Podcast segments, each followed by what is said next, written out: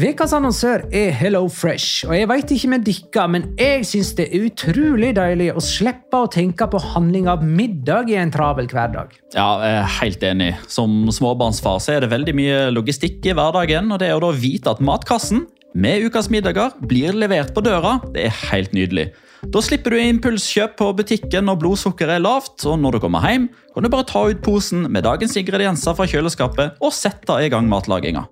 Ja, du kan velge mellom 25 ulike retter hver uke. Og de har faktisk en egen kategori som heter Raskt og enkelt, med masse enkle og gode oppskrifter. Veldig greit å ikke måtte ty til takeaway hver gang det er hektisk på jobb. Jeg gleder meg spesielt til sterk chilikylling i min neste kasse. Jeg blir sulten bare av å tenke på det. Ja, Det er ikke feil med bacon og cheeseburger heller, da. Og det som også er bra, er at matkassen koster det samme hver uke, som gjør det enklere å holde matbudsjettet. Ja, og så blir det ikke matsvinn heller, fordi du får akkurat det du trenger til hver eneste rett. Hello Fresh kan absolutt anbefales, og bruker du koden vår, LIGALOCA, kan du få opptil 1779 kroner i rabatt på de fem første matkastene hvis du ikke har prøvd Hello Fresh tidligere. Du kan også prøve koden hvis du har avslutta abonnementet ditt for tolv måneder siden eller mer. Gå inn på hellofresh.no og bruk koden LIGALOCA. Bon appétit! Hallo? Jeg kommer fra Oslo politikammer. Ine Jansen er purk. Er du purk? The motherfucking bitch. Alt jeg vil, er å finne ut hva som skjedde med mannen min. Jon Carew. Er jeg sikta for noe? Iben Akeli. Det er du. Ole So, Lars Berrum og Big Daddy Karsten. Hvem sin side er du på, egentlig? Anette Hoff, Tone Danielsen, Kommer du fra Afrika? Jørnis Josef, Nesten. Kløfta. Trond Espen Seim. Det er synd å si det, men det var feil mann som døde. Purk. Premiere tirsdag på TV2 Play.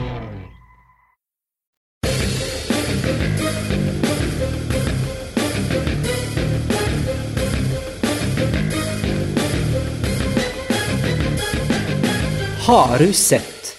La Liga er tilbake med sine remontadas, 100-minutterskamper, ikke-registrerte spillere og uventa stjerneskudd. Real Madrid har en supersub til å ta frispark, Atletico har en heimvendt steson, og det må mer enn fire palancas til for å slå Rayo Vallecano. La liga loca. En litt gærnere fotball. Ja, ja, ja. Dette er La Liga Loca episode 213 av det ordinære slaget med Petter Veland i Spydberg. Hei. Hallo, hallo! Jonas Giæver i Oslo sentrum. Hei. Home of the greatest shaloms. Og Magnar Kvalvik vel òg i Oslo sentrum nå.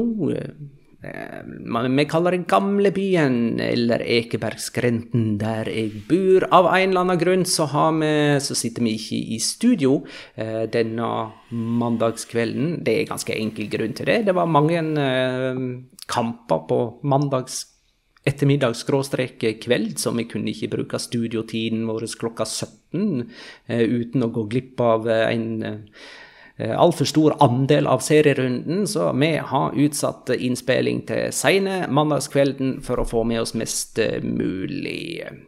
Eh, Hvordan har helga vært, Petter?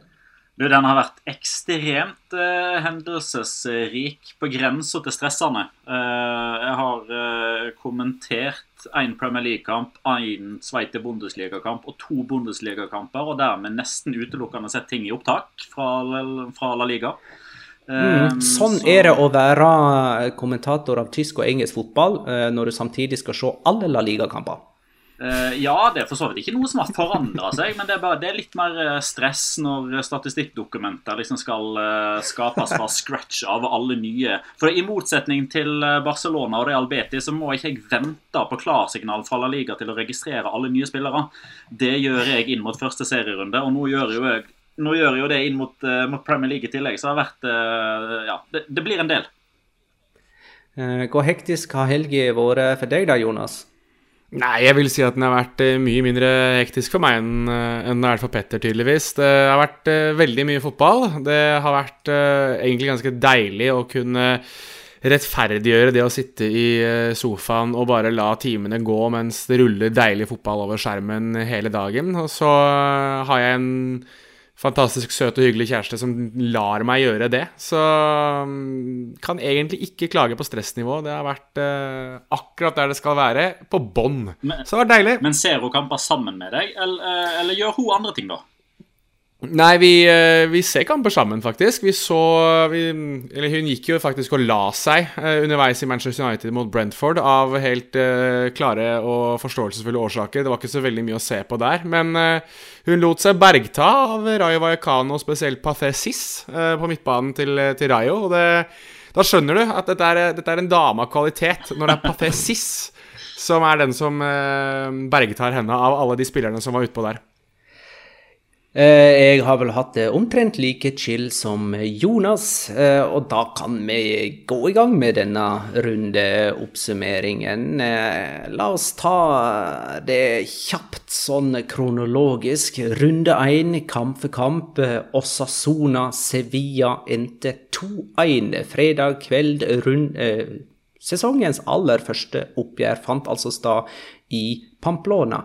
Chimi Abela sendte Osasona i en tidlig ledelse. Rafa Mir utligna for Sevilla kort tid senere. I andre omgang ble den lokale helten Eimar Oroz matchvinner fra straffemerket for eh, Osasona. 20-åringen som er født i Pamplona, spilte sin første kamp fra start for Osasona. Celta Vigo Español 2-2. Her leder Celta Vigo 2-0 etter mål av Iago Aspas og debutant Gonzalo Paciencia.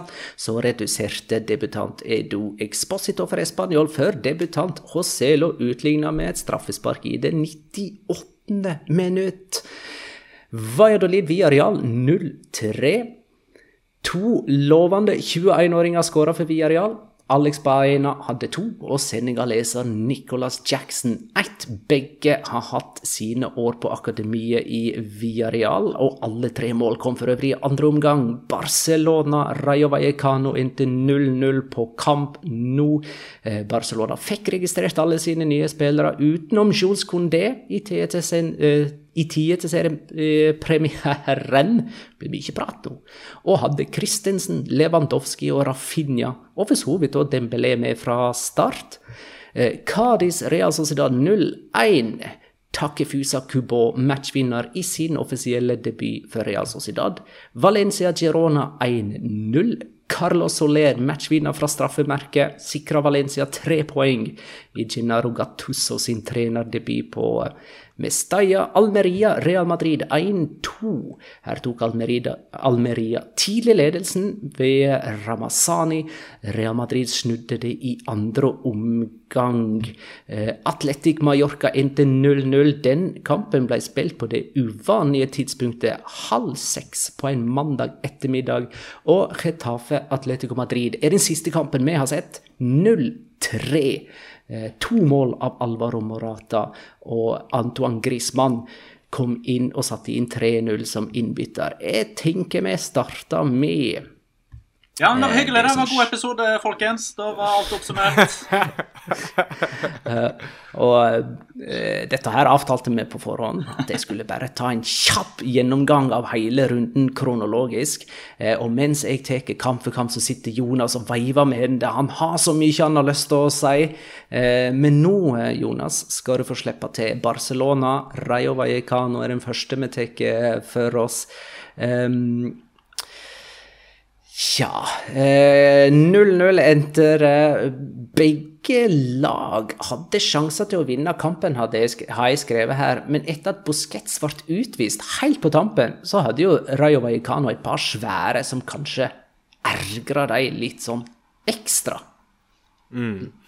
Ja, jeg tror, jeg eh, tror, du har rett der. Og så må man jo si at de hadde jo en ball i mål òg, som ble annullert uh, korrekt for offside, selvfølgelig. Radamel Falcao, selvfølgelig.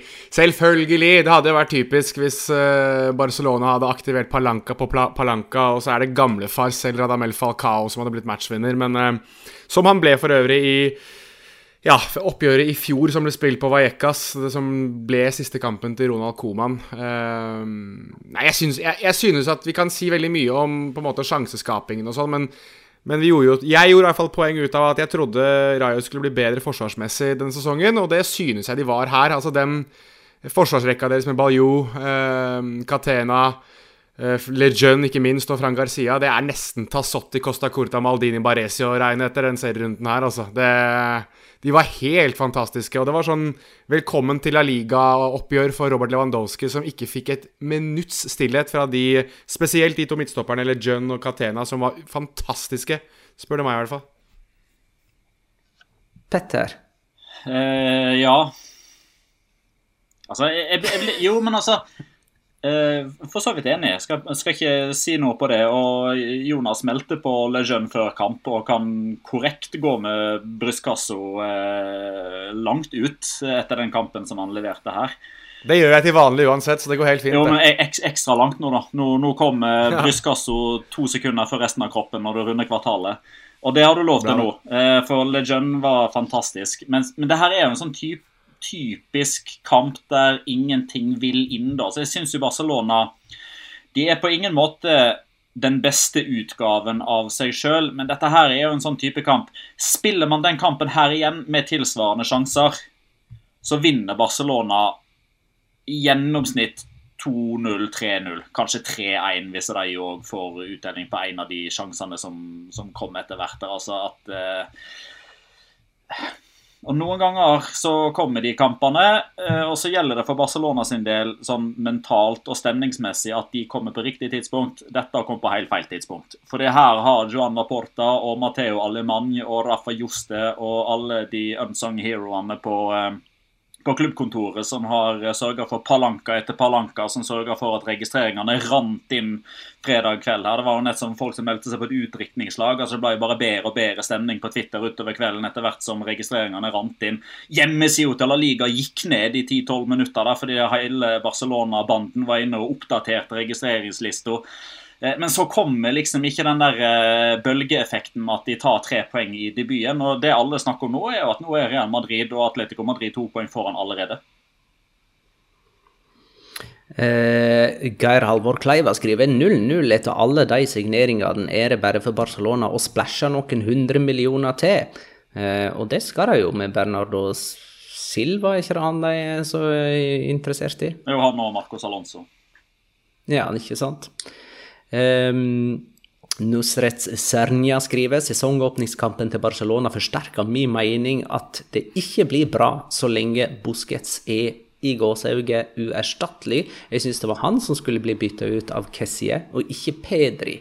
Eh, Busquets eh, ble den første spilleren faktisk i eh, denne La Liga-sesongen som fikk rødt kort. Ja øh, men det, det, det, ble Men har jeg en, ja. har en backup? Har jeg en erstatter eller en, ja, en som kan ta Busquets-rolla? ja, man kan vel kanskje spekulere i at de har det, i hvert fall enn så lenge. Det er jo Det var jo Altså, vi må jo kunne si, eller jeg mener i hvert fall man kan si det med rette, at uh, da Frenkie de Jong kom innpå her for, uh, for Barcelona, så var han kampens beste spiller fra det minuttet han kom innpå til kampen var over. Han hadde i hvert fall ett raid der som var sånn Wow, ok, ja vel. Det er det, det er det, man vil se mer av i Barcelona. Uh, og det virker nesten som han har tatt det litt grann som en personlig utfordring, det at han skal overbevise Barcelona og supporterne om at han, han fortjener å være der. Så ja, de har en erstatter, og, men jeg tror liksom ikke Barcelona vil at det skal være han så lenge han ikke tar et lønnskutt. Og da er vel kanskje den erstatteren er muligens Miralem Pjanic, da. Jeg vet ikke. Han har visst spilt seg inn i hjertet til, eh, til, til Chavi, som sa at han kommer til å bli værende den sesongen. Ikke det meningen at Kessie skal ta den eh, Busquets, uh, eller være hans uh, backup? Altså, nå skal ikke vi dømme ut ifra én kamp, selvfølgelig, men Kessie hadde vel et ganske ræva innhopp. Stakkar. Jo, han hadde, ja. han hadde det. Men, men, men, men, jeg får liksom sånn Petter kan godt uh, supplere her, men er det bare jeg som får litt sånn Javier Mascherano-følelse av uh, Frank Kessi? At han til syvende og sist kommer til å spille midtstopper? Jeg vet ikke, Petter? Uh, det håper jeg jo virkelig ikke, da, sånn for Barcelona sin del. Det er jo ikke liksom på, til forkleinelse for, for Kessie, men altså, Nå har de jo Araujo, de har Erik Garcia, de har Jules Condé. Eh, Andreas Christensen er jo heller ikke gamle karen. Så hvis de er nødt til å ty til Kessier som en nødløsning allerede, eller ikke allerede, da, men i løpet av denne sesongen her, da har de jo enten kjøpt katta i sekken eh, ved en av de to nye der, eller så har de slitt med skadeproblemer. fordi Men på sikt så, så skal ikke du se bort ifra det at når Kessie begynner å dra litt på årene, og når han ikke hvis han ikke fortsetter å være like løpssterk som han er per i dag, Mm. Eh, med Iraola som trener har Rayo Vallecano nå tre strake kamper uten baklengs mot Barcelona. Eh, på de 14 siste oppgjørene før eh, Iraola tok over, så slapp de inn altså 58 mål eh, mot eh, Barcelona. Og forrige sesong så gikk Barcelona målløse av eh, gresset på kamp nå sju ganger. Det inkluderer Europacup. Eh, og det er første gangen de altså, gikk eh, sju heimekamper uten skåring på én sesong, og så starta de målløse denne sesongen. Og hva er generelle inntrykk, eller har ikke alle kanskje lufta de generelle inntrykk etter denne kampen her, gutta? Altså, Kampen spillemessig i seg sjøl syns ikke jeg bærer bud om at Barcelona er langt unna liksom der de skal være. Altså Spillemessig, som jeg var inne på i stad, spiller de denne kampen her igjen i morgen med like gode prestasjoner av samtlige mm. spillere med, medspillere og motspillere, så vinner de den kampen ni av ti ganger.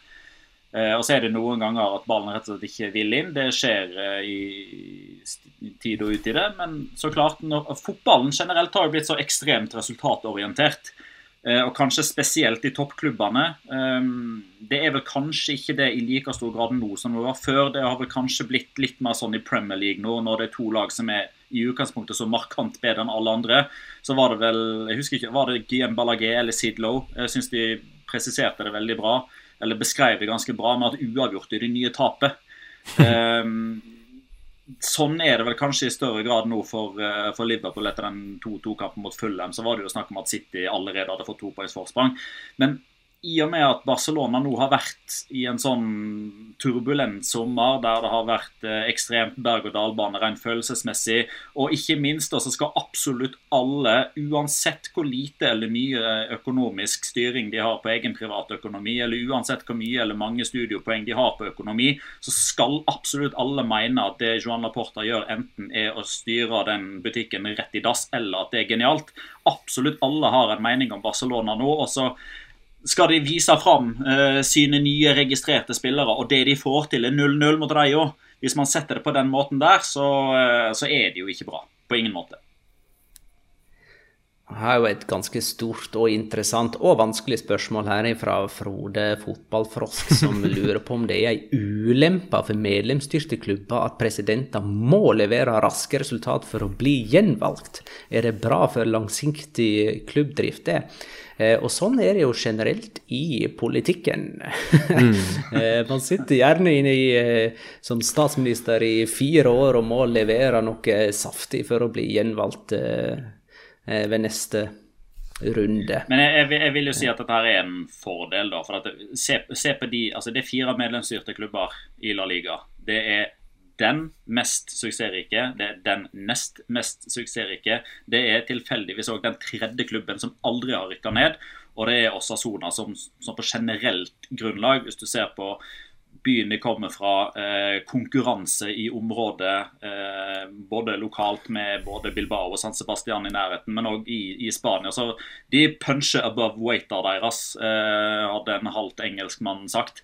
Så, og Det gjør samtidig òg at man eh, i langt mindre grad løper risikoen med å plutselig, plutselig havne i hendene til noen fra f.eks. Saudi-Arabia. Hei sann, Almerie.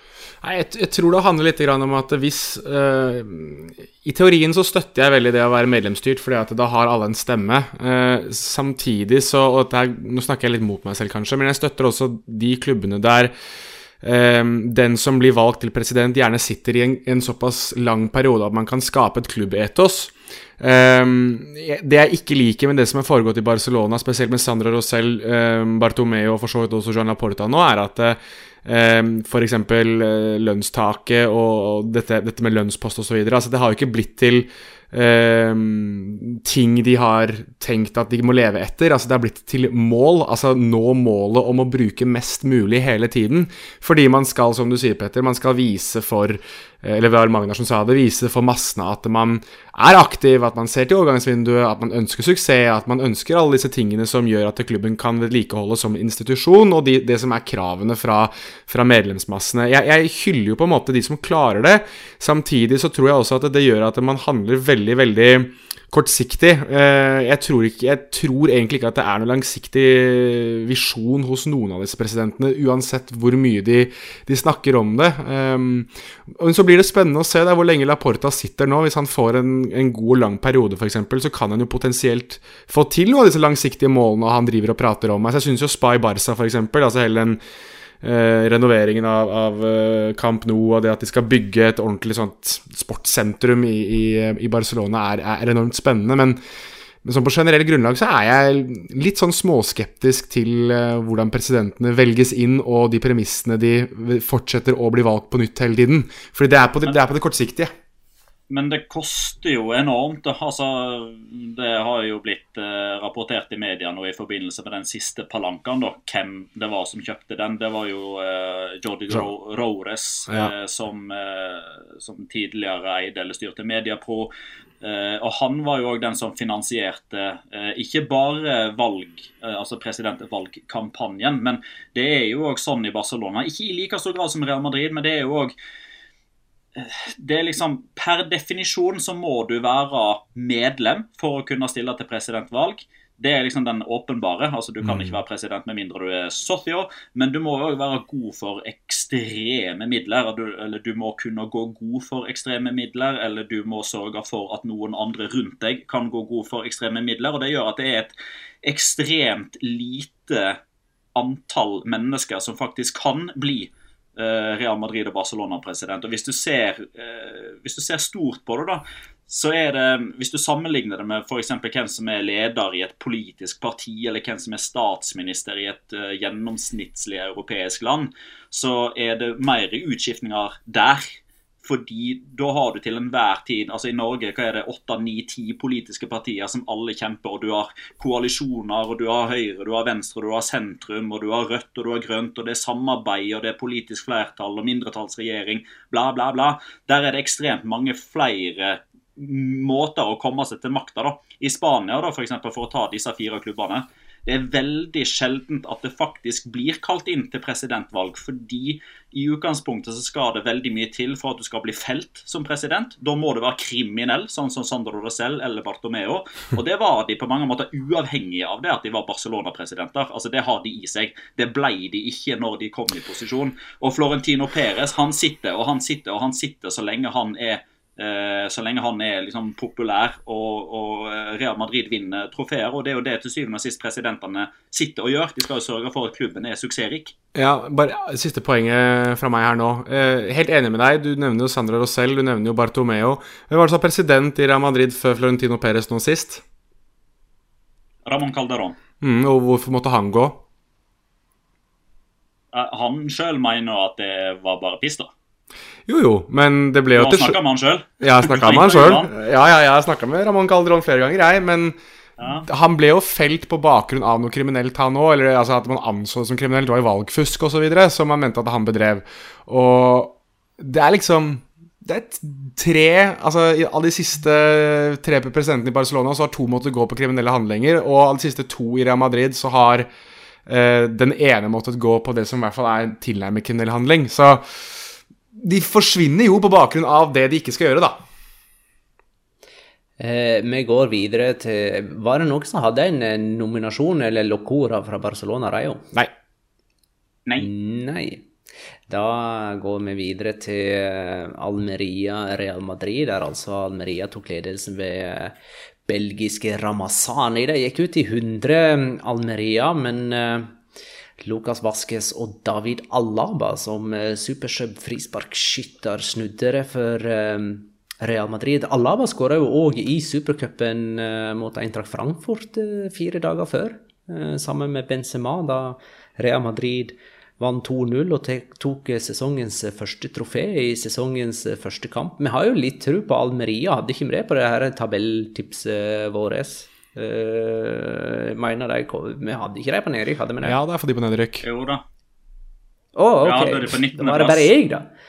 Ja, ok, så jeg dro opp snittet ganske bra. da. Jeg, jeg tror jeg hadde det godt over 19.-plass. Men uh, man, man, fikk nå et godt inntrykk av Almeria på disse 90 minuttene, i alle fall. Ja, jeg får i hvert fall godt inntrykk av de to som Altså, jeg syns, syns keeperen Fernando Han synes jeg, han ble jo skutt i senk, altså han, men han hadde jo flere fantastiske redninger.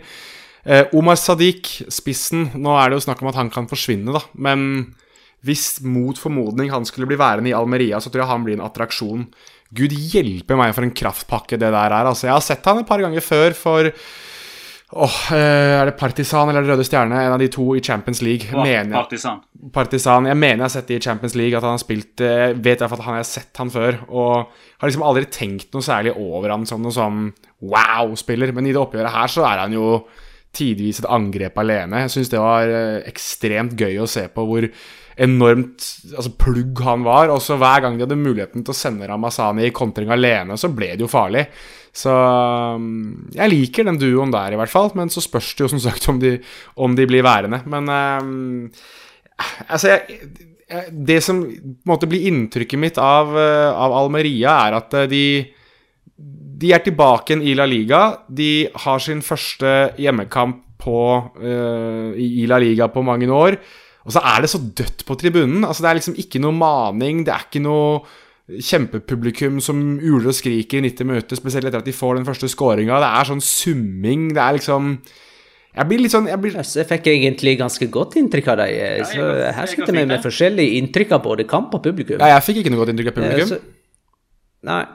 Nei, det er greit. Eh, ingen snudde så mange kamper forrige sesong som Real Madrid i La Liga. De hadde fem remontadas, eh, og snudde altså første seriekamp denne sesongen òg. Det var vel kanskje ikke så mye å si på det, tross alt, etter 15 cornerer, 15 skudd på mål, 92% pasningssikkerhet og 68% ballbesittelse. Eh, Viktor Hallnes skriver at Carlo Angelotti sier han skal rotere mye mer på Real Madrid-laget denne sesongen enn eh, tidligere. Var det flere enn dere som ble overraska over lagoppstillingen til Real Madrid denne eh, kampen? Både ja og nei. Altså Det virker som at det kanskje ikke helt fins sånn der gyllen middelvei for Angelotte. Det er liksom, enten så er det de elleve klink, eller så er det seks-sju mann som er ute. Det er liksom aldri den der to-tre stykker. Fordi fra den elveren her, da, så så er jo Vaskes er jo vanligvis ikke inne i en topp av startelva. Nacho er vanligvis ikke inne i en topp av startelva. Det er jo heller fortsatt foreløpig ikke Valverde heller. Chuameni er ikke inne, Kamavinga er ikke inne. Og så kan man kanskje spekulere om Rydiger er der på, i løpet av sesongen nå, men det er jo Alaba Militao som er det klinke paret der, til vanligvis. Um, og Det var kanskje det som gjorde at det tok litt tid før de kom i gang òg. Um, men det er jo et eller annet med Det er et eller annet med Real Madrid som er Jeg er på mange måter litt sånn bergtatt av det. Det har vært lenge, og jeg har snakka om det gjentatte ganger, så folk er sikkert litt lei. Men den derre evnen til aldri å få panikk, aldri bli stressa, altså aldri tenke 'oi, nå, nå slapp vi inn mål, hva skjer nå?' Altså Det alltid rolig. Det er alltid OK, men vi bare fortsetter, vi. For her vet vi at vi er gode, gode, nok til å produsere så mye at til syvende og sist så skårer vi. Og når vi skårer, så skjelver motstanderen i buksa. Og det var nettopp det som skjedde. Det var så fascinerende å høre, eh, for jeg satt i bilen når kampen ble spilt, så jeg hørte den på spansk radio. Eh, og det var litt sånn at eh, på stillinga 1-0 til Almeria så sa kommentatoren til stadighet når altså, Real Madrid trenger bare å skåre ett mål for å vinne den kampen her. Og da tenkte jeg litt sånn Hva er galt med deg? Du er radiokommentator. Har ikke du fått med deg at Almeria har skåra mål? Hvis Real Madrid skårer ett mål, så blir det 1-1. Men så ble han på mange Han ble ikke arrestert på det, men han fikk liksom Uh, Han ble korrigert litt av, uh, av programlederen, som sier sånn du, det kan faktisk hende at det er nye lyttere denne sesongen. Det er ikke sikkert alle har hørt det jeg kommenterer Real Madrid-kamper før. Du må forklare hva du mener med at, man, med at, Real Madrid trenger bare å skåre ett mål. De ligger jo tross alt under. Å ja, sorry. Når Real Madrid først skårer ett mot Almeria, så kommer de garantert til å skåre ett til, for det er bare sånn fotballen funker. uh, David Alaba, må vi snakke litt om det frisparket? det er jo det er, det Jeg må si det er første gangen jeg tror jeg har sett noe som ligner på en sånn når du, byt, når du skal ta field goal i amerikansk fotball, hvor du setter inn på en kicker. Det er vel det nærmeste ja. uh, jeg har sett. Uh, den var morsom. Jeg likte det.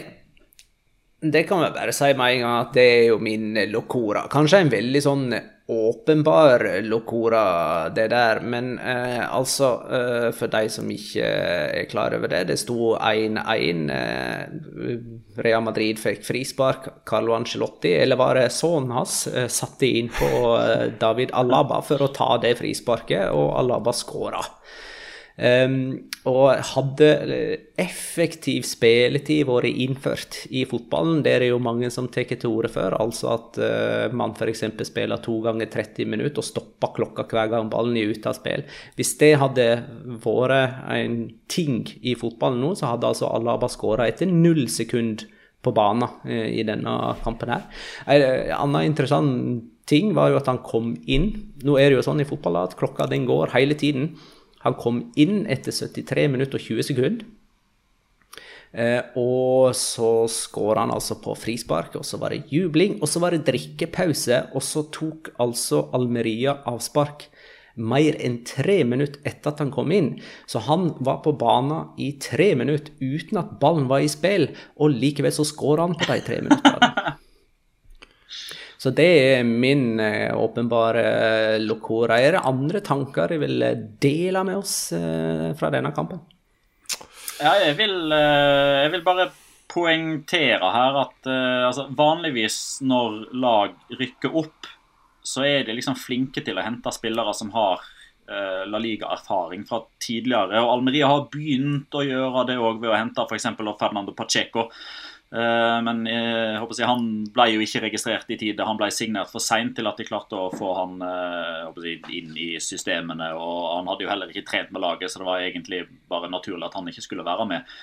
Men de debuterer altså i, i, eller gjør comeback i La Liga da, etter sju år ute, og de gjør det med tolv debutanter mot Real Madrid. Altså Åtte av de som starta, hadde ingen La Liga-kamper fra før av, og fire av innbytterne hadde heller ikke en eneste Nei, ni, ni, av de som spilte fra start, og, og, og, og tre innbyttere, hadde null kamper i La Liga fra start. og Da møter de altså regjerende La Liga Champions League-mester, og de har jo faktisk muligheten til å ta poeng helt fram til dommeren blåser for siste gang. Ja, jeg vil nevne en av debutantene, jeg, da, bare for å ha gjort det. Altså, Jeg synes Keiki i uh, forsvaret til, til Almeria Han jeg tror ikke han spiller i Almeria neste sesong. Jeg tror han uh, fint spiller for Sevilla. Kanskje han, er, uh, kanskje han er i Real Madrid, kanskje han er i Atletico Madrid. Uh, kanskje Aston Villa henter han allerede nå? ja, kanskje. Men han synes jeg Det var sånn Ok, wow. Ja ja. Det, der har de hentet en potensiell gullklump, altså. Det er litt sånn De har jo Almeria hadde jo i sin tid Darwin Núñez. Uh, så jeg eh, tenker at det kan være en sånn samme type historie, det der. Det er, eh, jeg ble veldig overraska. Han er 18 år og spiller på det nivået han gjør nå. Det, han er det bare å følge resten av sesongen, så har jeg fått lagt ved det. Eh, Petter? Lukas Vaskes. Ja, du bare Ja, det var det. Droppa. Jeg skulle bare si navnet hans. Ja. ja.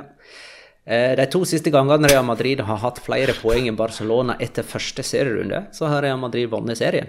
det skjedde i 2007-2008 og 2019-2020-sesongen. Det var den spenninga. Mm. Ligaen er over. Eh, hadde jeg et poeng til der? Ingen nominasjoner fra denne kampen? Spillernominasjoner til rundspiller? Nei. Nei. Ingen flere Locoras heller. Fernando var nærma fordi han uh, hadde jo Fernando? Å oh, ja, keeper. Keeperen, ja. Uh, men ja, altså, jeg syns Jonas har et poeng når han sier at han blir på mange måter truffet hele veien her. altså Av de 13 redningene så er det vel ikke så veldig mange som er sånn kjempeimponerende. Men det er flest redninger uh, av en La Liga-keeper siden Oppda begynte å telle sånt for 17 sesonger siden. Hm. Greit. Eh, et lag vi ikke har tro på denne sesongen, og som har blitt topp fire Hvor mange sesonger på rad? Jeg, snakker nå om Sevilla. Er det tre sesonger på rad de har hatt topp fire-plasseringen? Eh, de tapte altså seriepremieren i Pamplona med 2-1 mot eh, Osasona. Eh, Petter? Kan jeg bare få skyte raskt, for Det passer veldig godt her. Jeg så um, Tiempo de Juego, dette spanske radioprogrammet som jeg refererte til i stad, de la jo ut en sånn der Tertuliano-variant som er sånn spå sesongen. Altså serievinner, overraskelse, hvem blir toppskårer, hvem blir positiv overraskelse, hvem rykker ned, bla, bla, bla. De hadde ti stykker de i panelet. Ingen av de hadde Sevilla topp fire. Ingen. Nei. Det er ganske eh. oppsiktsvekkende den tid de faktisk er regjerende fjerdeplassvinner tre år på rad. Mm. Eh, og ingen av oss tre hadde de heller på topp fire denne sesongen, så kanskje det er en større, en bredere konsensus om at de ikke er topp fire-lag denne gangen, enn enn det jeg hadde trodd. Eh, Jørn Henland skriver hva Magnar Kvalvik sine, hva Magnar Kvalvik sine tanker om midtstopperparet til Sevilla.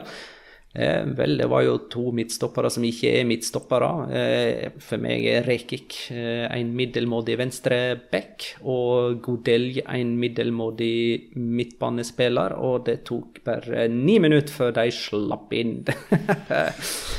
Jonas, har du noe du vil si? Ja, jeg ville si det at det må jo være potensielt den største nedgraderingen i et midtstopperpar i La Ligas historie. Det å gå fra Diego Carlos og Jules Condé til Kerim Rekik og Nemanja Godelj. Um, sjokkerende, syns jeg, hvor litt sånn hvor svake Sevilla framstår. Det er greit, det er El Sadar, ja, det er første seriekamp, ja, det koker, ja, Chimi Avila er et fyrverkeri uten like og har sikkert galoppert på hest i kampen, og adrenalinet er til hundre og helvete, men jeg blir liksom Jeg blir litt sånn lei meg, jeg, da, fordi at Sevilla har vært så gode på det å alltid finne løsninger, og nå liksom sitter vi igjen i en sesong der de ikke gjør det. Ja, Magnar? Eh, Emilio Sanuesa spør hvorfor har Sevilla bestemt seg for å starte eldreheim på sentral midtbane. eh, og de starta altså med Fernando, som er 35. Pape Gomez, som er 34, og Delaney, som er 30. Etter hvert kom Rakitic på 34 inn. Eh, I tillegg så kan man jo si at Bekkaden, Jesus Navas på 36 og Akunya på 30 heller ikke drar ned snittet. Eh, jeg tror det var bare fire eh, Sevilla-spillere i startelveren som var under 30 år. Eh, og det er vel litt sånn med Sevilla at de i en periode handler smart. Eh, noen gode unge ispedd noen gode voksne.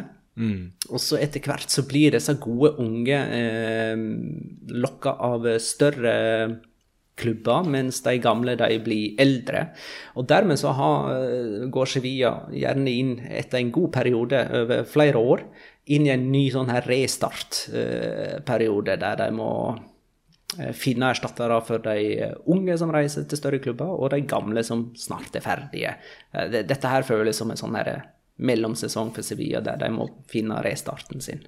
Eh, jeg ser begge har lyst til å snakke nå. Petter, vær så god.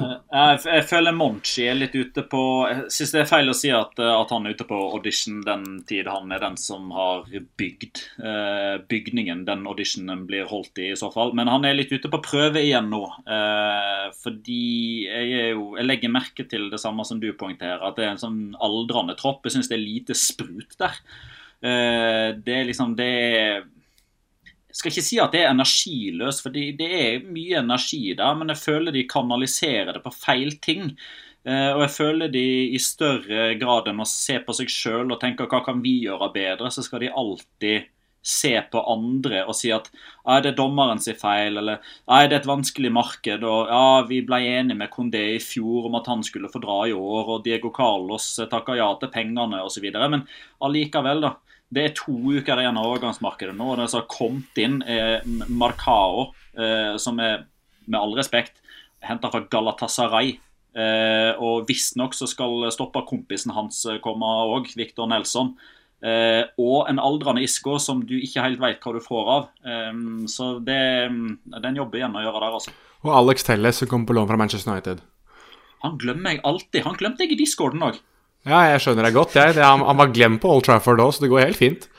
Um, jeg vil egentlig bare ta en annen ting som liksom irriterer meg litt, som igjen da blir liksom litt sånn Altså, det bare Det oppsummerer litt den situasjonen i, i Sevilla, og det er litt det derre Greit, i den kampen her så får de en, en, veldig billig straffe kanskje dømt mot seg. Det er greit. altså, det, det, Jeg skjønner at de er frustrerte over den. Jeg skjønner at Rafamir er frustrert, han snakker i affekt etter kampen i flash-intervjuet og er liksom litt sånn smågrinte fordi at de får en straffe mot seg som de ikke mener skal være. Det er greit.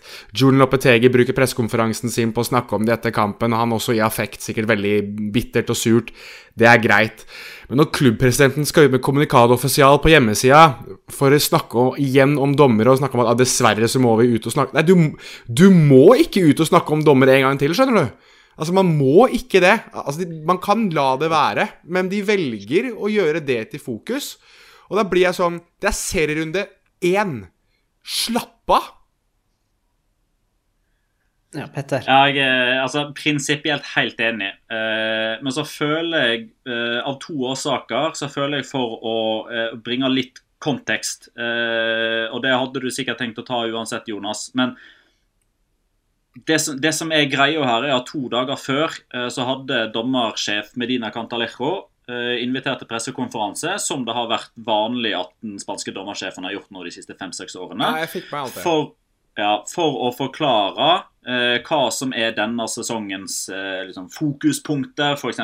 denne sesongen så skal vi slå ned på holding. Du husker det der for, for tre år siden når de plutselig begynte gi rødt kort hvis man tråkka noen på hælen. Ja, Luka Modric røyk i første serien og sånn. Eh, og det alle liksom beit seg merke i, eller det som det dommersjefen ville skulle være inntrykket før sesongen, var såkalte penaltitos, altså små straffer der det er light contact. Det skulle bort. Og så kommer den her i første serierunde, så, så bruker jo de selvfølgelig det for alt det er verdt. Jeg, jeg syns det er klaging og sutring, men det er jo det de snakker om hele tida. At ja, nå har vi nettopp fått eh, leksjon i at disse lette straffesparkene skal bort. Og det som er ekstra interessant, er jo at dommersjefen har jo faktisk gått ut i etterkant her og sagt at dette her skulle ikke være straffe. Eh, så han har jo da eh, på mange måter kasta både hoveddommer og eh, VAR-dommer Del Cero Grande og Jaime Latere under bussen. Og så er jeg veldig spent på å se om det skjer det samme i Spania som i Norge. Nemlig det at dommerfeil som er store, får ingen konsekvens. Du får nytt oppdrag neste helg. Eller om de faktisk må stå over tredje serierunde. Ja, Jonas. Ja, Siste da, fra, fra meg i den kampen her. Uh, Syns det er gøy at uh, vi fikk en scoring av en spiller ved navn Aymar igjen i La Liga. Det var, uh, det var litt gøy. Jeg gjorde et kjapt søk på det. Altså, 29. 29. april 2007 så skåret Pablo Aymar sitt siste mål i La Liga for Real Saragossa mot Osasona. Og Derfor så er det jo litt gøy at den neste gang det blir skåret et mål av en Aymar i La Liga, så er det 15 år etterpå av en spiller i Osasona som heter Aymar Oros. Så det, mm, det er gøy vet du, hva gjøre, vet du hva du må gjøre, Jonas? Du har nummeret til Monshi. Ring han og be han signere en spiller som heter Aymar. Så har han garantert en skåring denne sesongen. ja, godt poeng. Men skal vi kalle han Aymar, eller skal vi kalle han Oros? Siden han het uh, Aymar og Ross. Altså, Aymar her er jo jeg håper jeg, fornavnet, da. Eh, I motsetning til vår argentinske venn som har det som etternavn. Ja, ja. det er det jeg mener. Uh, jeg tror jeg må kalle han for Eymar og Ross. Altså, jeg er nødt til å få med navnet Eymar hele tiden. Men kan ikke bare omtale han på fornavn heller. Jeg kjenner ikke han personlig. um, I motsetning til Diego Carlos? ja, i motsetning til alle de som bruker dobbelt, eh, sine doble fornavn, som eh, ja, Louis Henrique og gjengen. Uh, nei, ingen nominasjoner, spillernominasjoner fra Osasona Sevilla. Ingen uh, Locoras fra Osasona Sevilla. Da går vi videre til den kampen jeg har putta som fjerde på lista. Valencia Girona som endte 1-0 etter den Carlos eh, Soler-straffen. Hvordan kom La Ligas eneste trenerdebutant Gattusso fra dette her, eh, Jonas? Jeg syns han kommer veldig godt eh, fra det her, jeg. Ja. jeg syns Valencia så tidvis veldig veldig god ut offensivt. Jeg syns veldig synd på den som skal spille spiss mellom Samuelino og Samuel Samu Castillejo, for den kommer ikke til å se mye av ballen. For de skal alltid inn og skyte, og det kommer til å bli så mange skudd Altså Hvis du har lyst til å få deg en ball eh, på La Liga-kamp. Stell deg bak eh, det ene, eller et av målene på Mestalla, så kommer nok Samu Castillejo eller Samuel Lino til å treffe deg på et eller annet tidspunkt i løpet av 90 minuttene. Uh, akkurat den biten der, altså det med at de to skal være så egosentriske med ball, det er jeg ikke så stor fan av. Men jeg syns at det, småspillet opp i banen osv., at, de, at de klarer å spille seg ut bakfra hele tiden, det syns jeg var, var, gøy å se. At Mamardashvili ser ut til å ha blitt bedre med ballen i beina, syns jeg var gøy. Uh, og så er det litt det der greiene med at man man har kvalitetsspillere i visse ledd som gjør at man får jeg si noe? Altså, man, man, får det lille ut av det laget her som gjør at de er det lille bedre enn Girona, men samtidig, når de får, eh, altså når de får utvisning, så og skal ligge inne i egen sone altså, det, det, er liksom De er på grensa hele tida at det er fullstendig eh, At det havarerer fullstendig. Så det er nok mye som, eh, som godeste Gato som jobber med, men jeg syns at det er offensivt, og det å måte spille seg opp til motstanders boks osv. Der synes jeg de så mye, mye bedre ut enn det de kanskje har gjort på ah, Må kanskje tilbake til, til Marcellino, og da var det jo noen sånne vanvittige overganger man skulle bi seg ut på. Jeg var, eh, jeg var imponert, og så var jeg også imponert over at eh, jeg aldri sett en svettere person i La Liga siden Walter Pandian i sin tid. Gattuso var så svett, han. Han var så svett. Han hadde på seg svart T-skjorte, og den hadde han svetta gjennom. Da skjønner du at han er, at han er svett, ass. Fytte rakkeren. La, for øvrig merke til da han, eh, da han landa på Paterna, flyplassen utenfor Mestalla. For første gang så ble han jo eh, altså Han ble jo intervjua mens han gikk. Det er en typisk sånn spansk greie. Hele ja, pressekorpset står og venter i ankomsthallen, og så fotfølger han ut til, det, til der bilen står. Uh, og da ble han jo på mange måter invitert Eller han ble ønska velkommen da av uh, samla Valencia-pressa. Så var det en av disse journalistene jeg catcha ikke navnet på, som liksom spurte om han gleda seg til å spise paella. Og da sa han nei, det kommer han ikke til å spise, for han var på diett. Men basert på hvordan han så ut på sidelinja der, så tror jeg han kanskje tok seg litt vann over hodet når han trodde han fikk uh, hvis, hvis, du tror at du kan kombinere det med å være Valencia-trener med å være på diett, da tror jeg ikke du har fått med deg hvordan tilstanden er i Valencia. altså. Nei, og så vil jeg bare få sagt det at Den spilleren som ble utvist, var Eray Kømert. og Grunnen til at jeg ikke nevnte han, var fordi at jeg hadde glemt det. Og det var fordi jeg hadde glemt at Eray Kømert fortsatt var Valencia-spiller. Så beklager til alle de som hadde lyst til å få um, den ukentlige Kømert-mensjen. Der fikk de den. Jo, men, jo, men der, der, må jeg ta en ting. Fordi eh, inn mot den kampen her så har jo altså Super Deporte og alle de andre valencianske mediene har jo previews. og det har jo vært ekstremt dommerfokus for Valencia sin del inn mot ja. denne kampen her, pga. at José Luis Gaya fikk fire kampers eh, karantene for noe han sa i april. Uh, og jeg syns jo hele den saken her er en skamplett. Altså Både det at det er en sak i utgangspunktet, at de bruker så lang tid på å finne ut hvor lang tid uh, De bruker så lang tid på å komme liksom, til en konklusjon, uh, og at straffen kommer to dager før sesongen starter, og at det blir fire kamper. Alt er feil med den saken der. Eh, men da ble det jo naturligvis ekstra først da når de så at det var Figueroa Vasques eh, som skulle dømme kampen. For da går man jo tilbake og ser på historikken. Og så finner man ut at Figueroa Vasques i de fire siste kampene han har dømt Valencia, så er det en Valencia-spiller som har blitt utvist. Og i det øyeblikket er med at da blir utvist, eh, og da, og da bare Da sitter jeg og humrer, og så sitter jeg og tenker sånn Dette er hvorfor jeg elsker spansk fotball. For da er de samla Valencia-pressa sånn ja, mm, hva var det vi sa? Der gjorde han det igjen! Kømert ble utvist! Og så glemmer de at det er det klareste røde kortet som fins. Og at det var ikke Cuadra Fernandez som ga det røde kortet. Det var, da, det var VAR som ba han om å gå og se. hvorfor gi det røde kortet. Mm. Ja, jeg, jeg elsker det.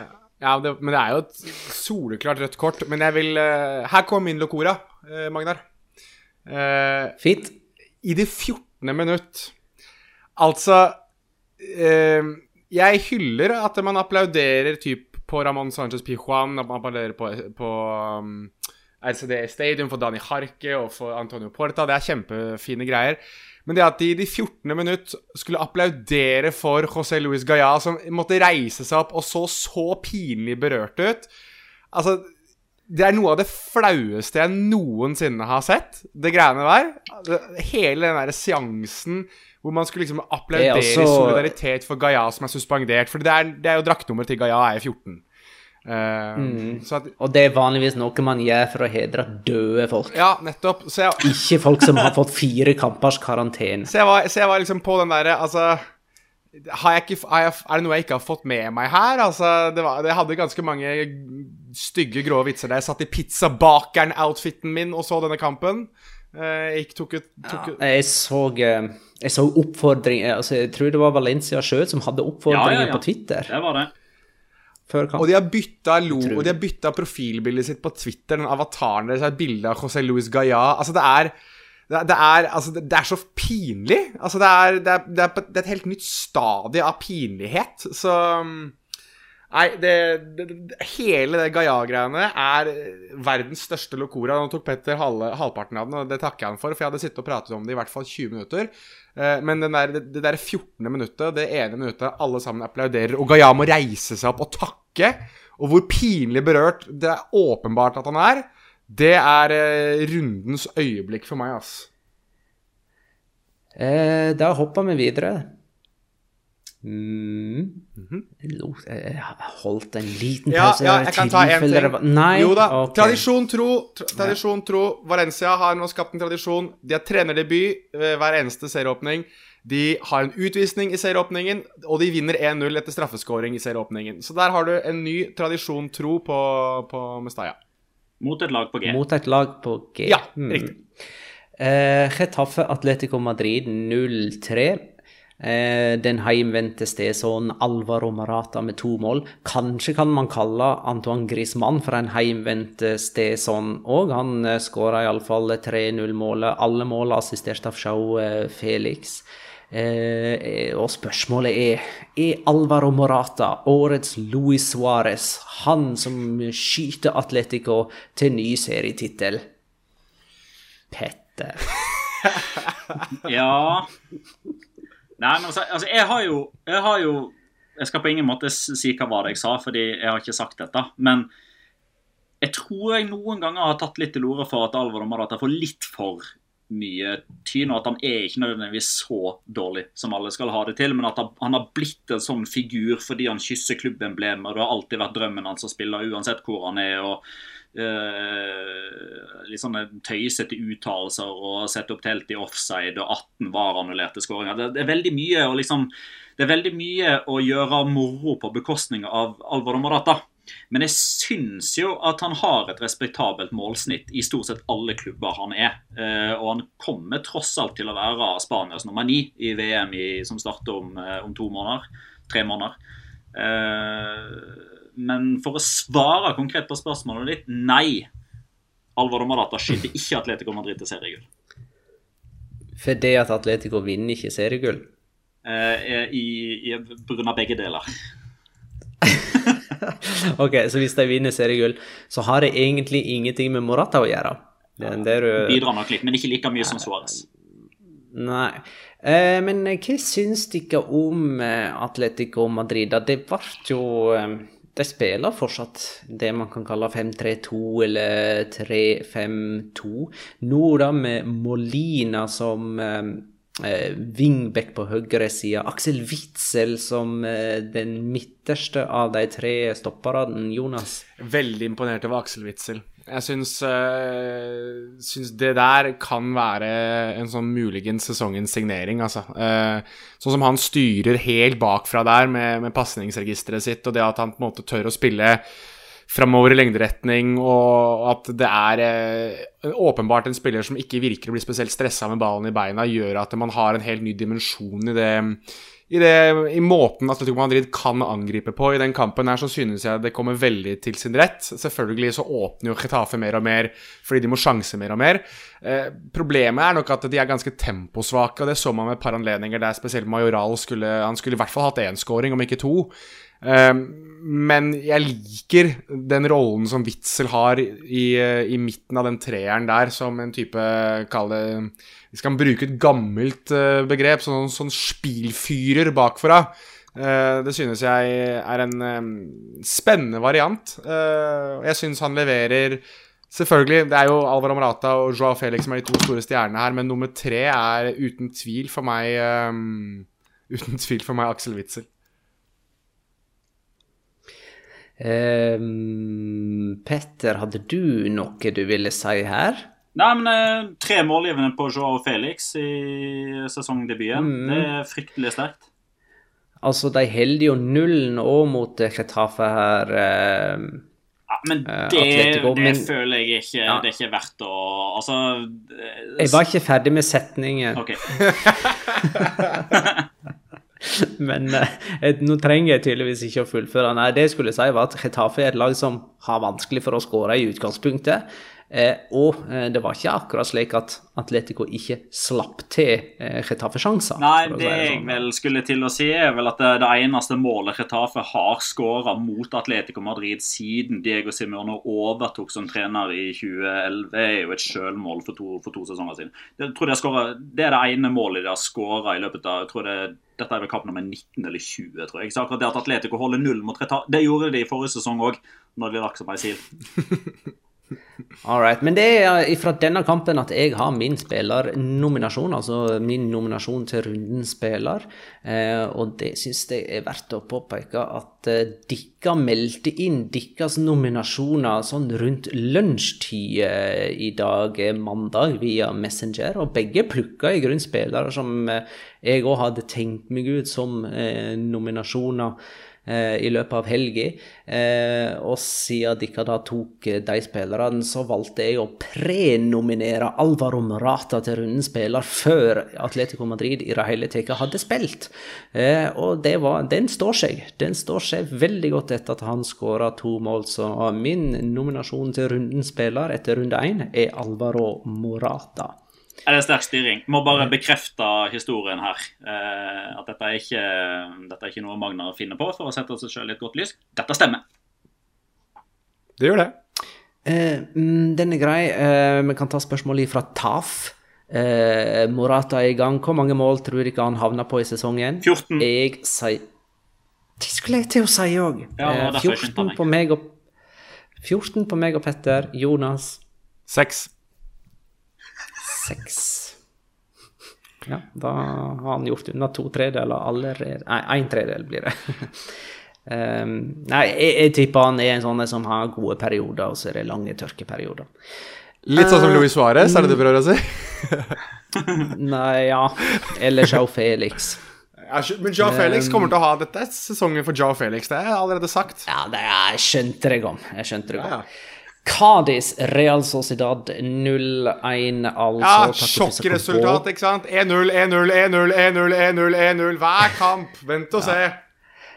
Eh, altså Real Sociedad er jo et lag vi har forventninger til, eh, og den skåringen deres den samsvarer jo på en måte med det spillermaterialet de har. Altså, de har offensive spillere som kan gå på smarte løp, og de har spillere som evner å se de løpene og slå en matchende pasning. Det var jo Mikkel Merino som slo en herlig stikker igjennom til eh, Kubo. men det var vel bare stykkevis og delt at vi så de kombinasjonene. Det var jo ikke sånn at La Real spilte ball i hatt med Cádiz her. eh, Eller kanskje jeg nå som forventa litt vel mye av eh, dette offensive arsenalet. Nei, men altså, hvis, hvis man skulle ha sett liksom, den kampen her i opptak, og man liksom skulle trykke altså, liksom, inn på sånne jevne tidspunkt i løpet av kampen, og la oss si et hvert minutt, og så klikker du videre for å se har det skjedd noe, har det skjedd noe, har det skjedd noe, så tipper jeg at sånn ca. 78 av de 90 minuttene så var, veien, så var ballen på vei inn i Real Sociedad-boksen. Eh, og da hadde Cádiz enten bare kasta den inn i boksen, eller så hadde de hatt en corner eller et frispark som de slo inn i boksen. Eller så var det Farlig som slo den inn fra egen banehalvdel. Eller så var det keeper som dunka langt eh, mot to ganske små spisser. Altså 7970 innlegg slo Kadis i, eh, i den kampen her. Og samtlige traff en Real Sociedad-spiller. Presis statistikk der, er jeg Det er, sikker så- på. det, er så, det er så primitiv fotball. Altså, bare, bare få det vekk. Eh, Cádiz eh, var det dårligste heimelaget i La Liga forrige sesong, så hvor mye klarer vi egentlig å lese ut av denne Real Sociedad-seieren, Jonas? Nei, ikke så mye å lese ut av det her. Altså, jeg vil bare, bare takke La Liga jeg, for at de ga oss verdens verste fuckings La Liga-kamp i første serierunde, så vi ikke trenger å tenke noe mer på det her. Det kommer en til, Jeg veit det kommer en til senere i sesongen, men nå er iallfall én av to borte. Få det bort. Eh, men det de gjorde ei dobbeltbytte her, eh, Real Sociedad, som ga meg en påminnelse om at de ikke bare har de spennende offensive spillere, men det er ganske mange spennende offensive spillere. Hvem var det som gikk ut eh, Jeg, jeg tror i alle fall det var ba, eh, og hva heter han unge, lovende, spennende spilleren som kom inn? Barnechea kom inn? Ja, han og Iaramendi og Karikaburo? Mohammed Ali. Mohammed, Mohammed Ali Chaw. Han var frisk. inn. Han var frisk. Ja. Han var kjapp til beins, han. Quick to beins, som en eh, kommentator har sagt i en del år. Uh, hei på deg, Roar Stokke. Ja, nei, han var kjempe Han var utrolig spennende. Uh, og, og, og blir jo en tilvekst i det laget der. Altså, Jeg er helt enig med deg, Magnar. Offensivt så er det er absolutt Det er kun oppside med Real Sociedad. Jeg håper jo da at når de møter et lag som ikke er like primitivt som, som Cádiz, så får vi kanskje se det i større utfoldelse. Jeg syns jo også det var litt gøy at vi endelig fikk se eh, John Caricaburo, da. Eh, og lurer på om kanskje det kan være eh, en liten bublere vi, vi, vi får der i løpet av sesongen også. Jeg ser at Carlos Fernandes har skadet seg igjen, som betyr at eh, Caricaburo potensielt faktisk får litt mer spilletid denne sesongen her. Eh, Ingen nominasjoner eller locoras fra denne. Eh, Da hopper vi videre til Valladolid. Villarreal 0-3. Eh, Villarreal med den mest overbevisende prestasjonen da i første serierunde, eller eh, rett bak Atletico Madrid, kanskje, som også vant 3-0 borte. Resultatmessig så er det bra, men det var en periode der på stillinga 0-1. altså Via Real spilte jo borte. Eh, altså sånn mellom kan det ha vært, jeg husker ikke presis, mellom 55 og 70 eller noe sånt. Da hang de litt i tauene, altså. Da var, da var Albiol ikke helt seg sjøl, og da så de litt sånn shaky Stevens ut. Men det som gjør at um, jeg fortsatt, da Hadde vært rart om jeg ikke var fortsatt optimist etter en 3-0-seier i åpningskampen, men der jeg tror Villarreal liksom har potensialet til å filleriste motstanderne, er jo i overgangsspillet denne sesongen. For altså, Antallet spillere de har der framme, med ungt pågangsmot, med, som er uredde, som har teknikk, som har fart, som har tempo, som har denne X-faktoren. altså Det er så mange. altså Jeremy Pino, Samuel Chukwueze, Eh, Du har eh, Nicholas Jackson som markerte seg her nå. Alex Baena, eh, ung er han riktignok ikke, men eh, Gerard Moreno eh, har jo fortsatt sånn der eh, ankelteknikk som gjør at jeg får jo vondt av å se gutten spille fotball. Han, han kommer til å bli sånn som Carlos Bacca. han, At det bare det kommer til å dette ut av ledd etter hvert som han uh, blir eldre. Eh, Han eh, Nicholas Jackson har jo meldt uh, han tidligere som et potensielt stjerneskudd denne sesongen, eller? Så du for deg Nei, sånn jeg, jeg har eh, ikke meldt like hardt som altså jeg, meld, jeg meldte veldig hardt på Jeremy Pino forrige sesong om at han kom til å bli landslagsspiller og neste Premier League-salg. Eh, ser kanskje dessverre ut som at det får rett der. Eh, Danjuma spilte jo ikke i denne kampen her engang. Uh, Giovanni Lo Celso klar igjen nå, som vi tok for gitt under eh, tabelltipset. Eh, jeg syns ting ser veldig veldig lovende ut der. Og skal jeg ta min rundens spillernominasjon nå, da? Ja, ta det. Eh, Det er jo godeste Alex Baena, som eh, er den eneste innbytteren denne serierunden og til nå denne sesongen som skårer to mål. Um, og den første skåringa kan han jo på mange måter takke sin um, ja, Det de til felles, var jo at begge var eid av Villarreal forrige sesong, men de var jo ikke lagkamerater. For forrige sesong så var jo Alex Baena på uh, lån i Girona og gjorde det veldig bra der. Men det som er sånn fascinerende å se, er at forrige sesong så var han det uh, andre i Dagbladet ville kalt for et rivjern. Uh, 15 gule og ett rødt kort fikk han for Girona som sentral midt. I Villarreal i preseason har han spilt som en litt sånn falsk venstrekant. Altså Han har tatt Alberto, More, Alberto Moreno-rolla. um, som en litt sånn der eh, Emeri-oppfinnelse. Eh, Men den scoring nummer to er rett og slett bare Den er så deilig, den måten han bare bøyer den opp i, i lengste og bare virkelig markerer seg. Så Alex Baena var aktuell for utlån denne sesongen her, fram til eh, klokka 20.48 på lørdag. Ja, da har vi to nominasjoner. Var det en eh, Locora herifra? Nei. Eh, Celta Vigo Español spilte 2-2. Celta Vigo har ikke vunnet en seriepremiere siden 2015. Eh, de som er alltid tippa på åttendeplass, men kanskje ikke fullt så høyt oppe denne gangen. Eh, der fikk Español straffe som Joselo skåra på i det 98. minutt.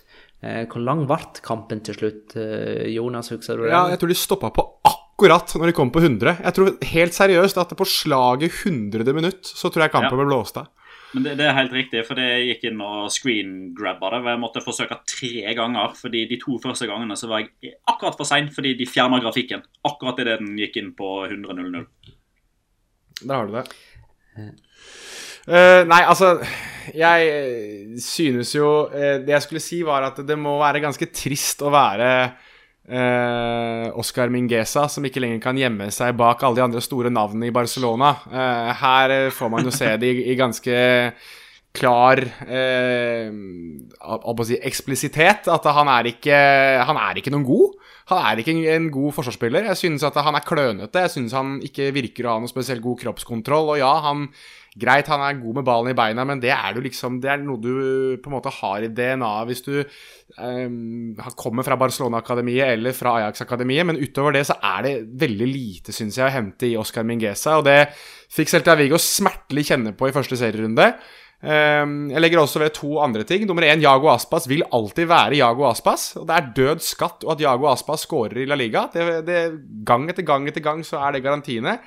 Og, og nummer to eh, for oss som legger merke til sånt, og som irriterer seg over sånt eh, Agustin Marchesin, eh, den nye keeperen til Celta Vigo, velger da altså å spille med Marche på ryggen.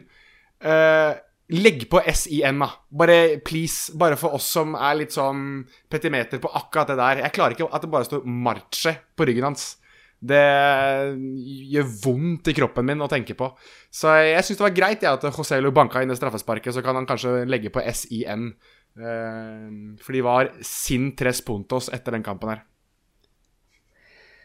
Um, mangler vi fortsatt en eh, spillernominasjon? Ja, kommer senere. Ja. Atletic Mallorca 0-0. Er det der du har spillernominasjonen din, Jonas? Eh, her kommer den. Ja. Eh, denne kampen gikk eh, midt i middagskvilen, halv seks mandag ettermiddag. Kanskje et resultat som kunne gi inntrykk av at Marcelino fremdeles er Atletic-trener. Jeg minner om at de gikk målløse av banen 14 ganger forrige sesong.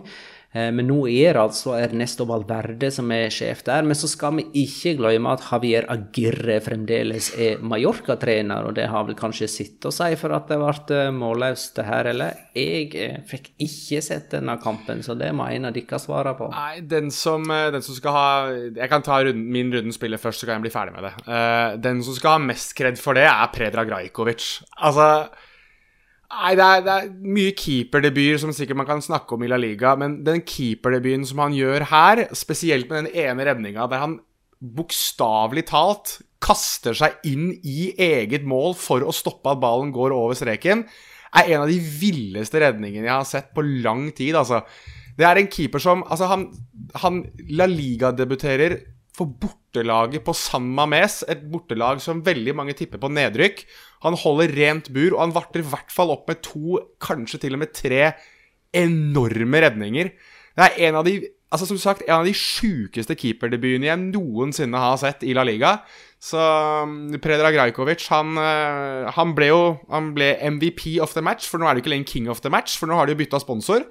Um, og, og, og det, det, er muligens den enkleste MVP of the match som ble gitt denne serierunden her. Altså, han var helt uovervinnelig.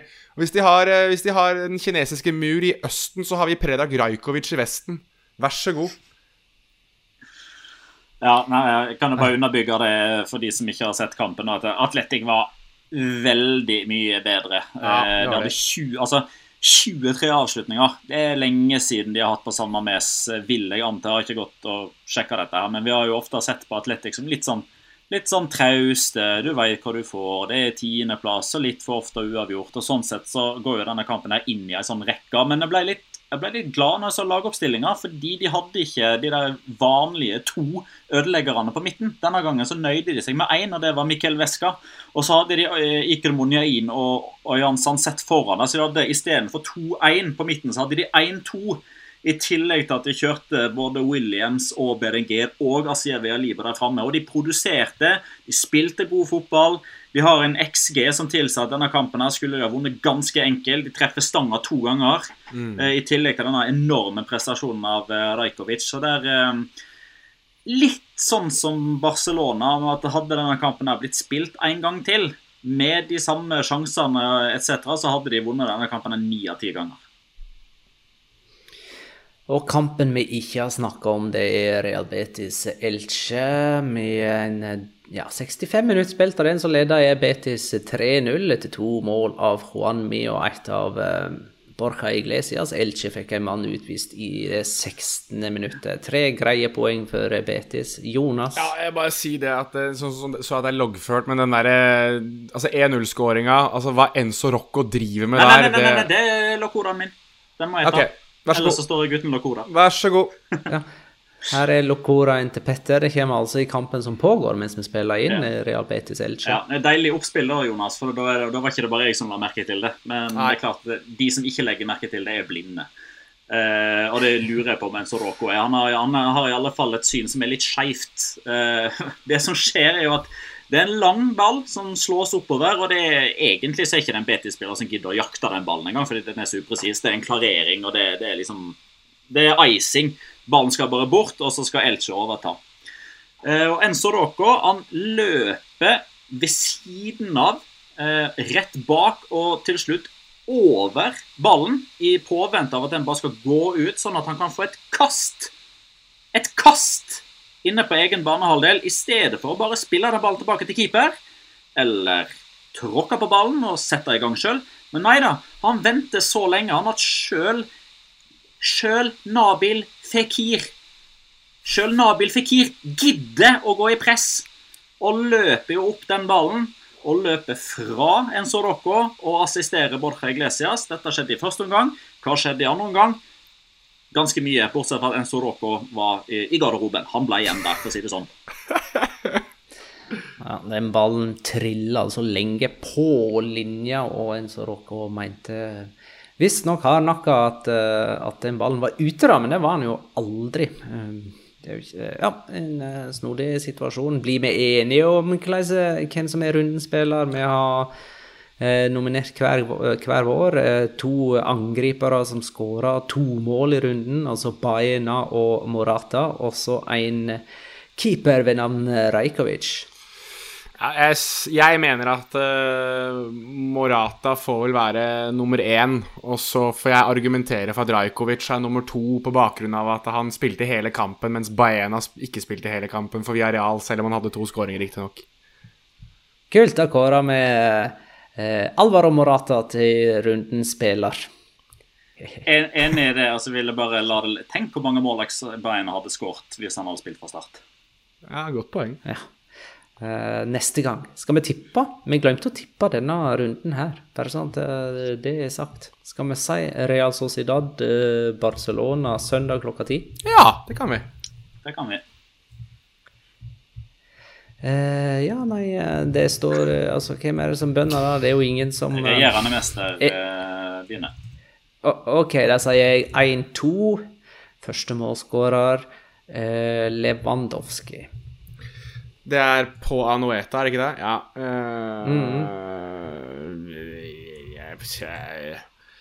0-1! og første målskårer og kampens eneste målskårer er Pedri.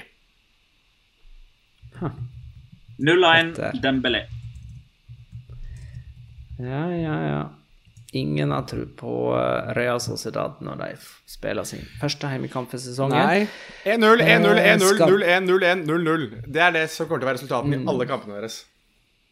Uh, hva med uh, vår uh, Patrion-tjenester, uh, Jonas? Ja, altså først og fremst så må vi jo si at uh, nå har vi jo et aldri så lite samarbeid med, med, La Liga, for de som ikke har fått med seg det. Det er jo supergøy, som gjør at vi får tilgang til potensielt en del nytt innhold. Det gjør jo også at i Patrion vår nå så kommer det noe, noe nytt snacks. Det, er, det kommer en helt ny eh, spalte som heter Frio i fuego, som blir en type hot or not-liste som vi skal publisere ukentlig etter hver serierunde. Skråblikket er tilbake så fort dommer blåser av kampen mellom Betis og Elche. Der er det også litt visuell snacks. Og så tipper jeg at vi etter hvert eh, kan komme tilbake med noe, med noe annet gøy. Eh, noe, gøy noe gøyt innhold. Eh, sånn Trostegoit-innhold kanskje til og med òg. Eh, og så må vi egentlig bare appellere til at lytter sender oss meldinger om hva de ønsker å se. Nå har vi jo tilgang til å gi litt mer, og kunne finne andre ting, eh, altså typ visuelle ting også, som potensielt kan, kan glede våre lyttere. Så um, inn i Patrion, patrion.com slash ligaloca. Der er det bare å, å si, abonnere og donere og nyte det som kommer i, i ukene framover. For det kommer til å bli um, mer stoff enn tidligere. Det føler jeg i hvert fall på, um, på meg selv. Og så vet jeg at det ligger alle, alle overganger i La Liga ligger der også. Så er det sagt. Petter. Ja, og En eller annen gang mellom første og andre serierunde så kommer det en oversikt over startelverne som ikke starta uh, i første serierunde. Litt sånn for å se på dybden til, uh, til lagene. Så det vil si at uh, den beste startelveren som, eller den beste elveren alle lagene i La Liga kan skilte, minus de elleve som starta første serierunde. For de som er interessert i det. Kult. Og så er vi tilbake med en ny ordinær episode etter neste serierunde, dvs. Si mandag. Mm -hmm. eh, neste mandag. Eller tirsdag. Altså. Er, det ikke samme, er det ikke samme type serierunde som det, det er eh, nå? Det blir fort publisering tirsdag i morgen eh, da òg, ja. Mm. Den er god. Takk for at du lytta, kjære lytter. Ha det, da.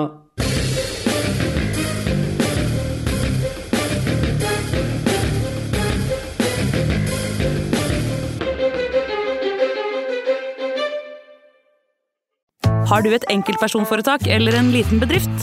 Da er du sikkert lei av å høre meg snakke om hvor enkelt det er med kvitteringer og bilag i fiken, så vi eh, gir oss her, vi. Fordi vi liker enkelt. Fiken superenkelt regnskap.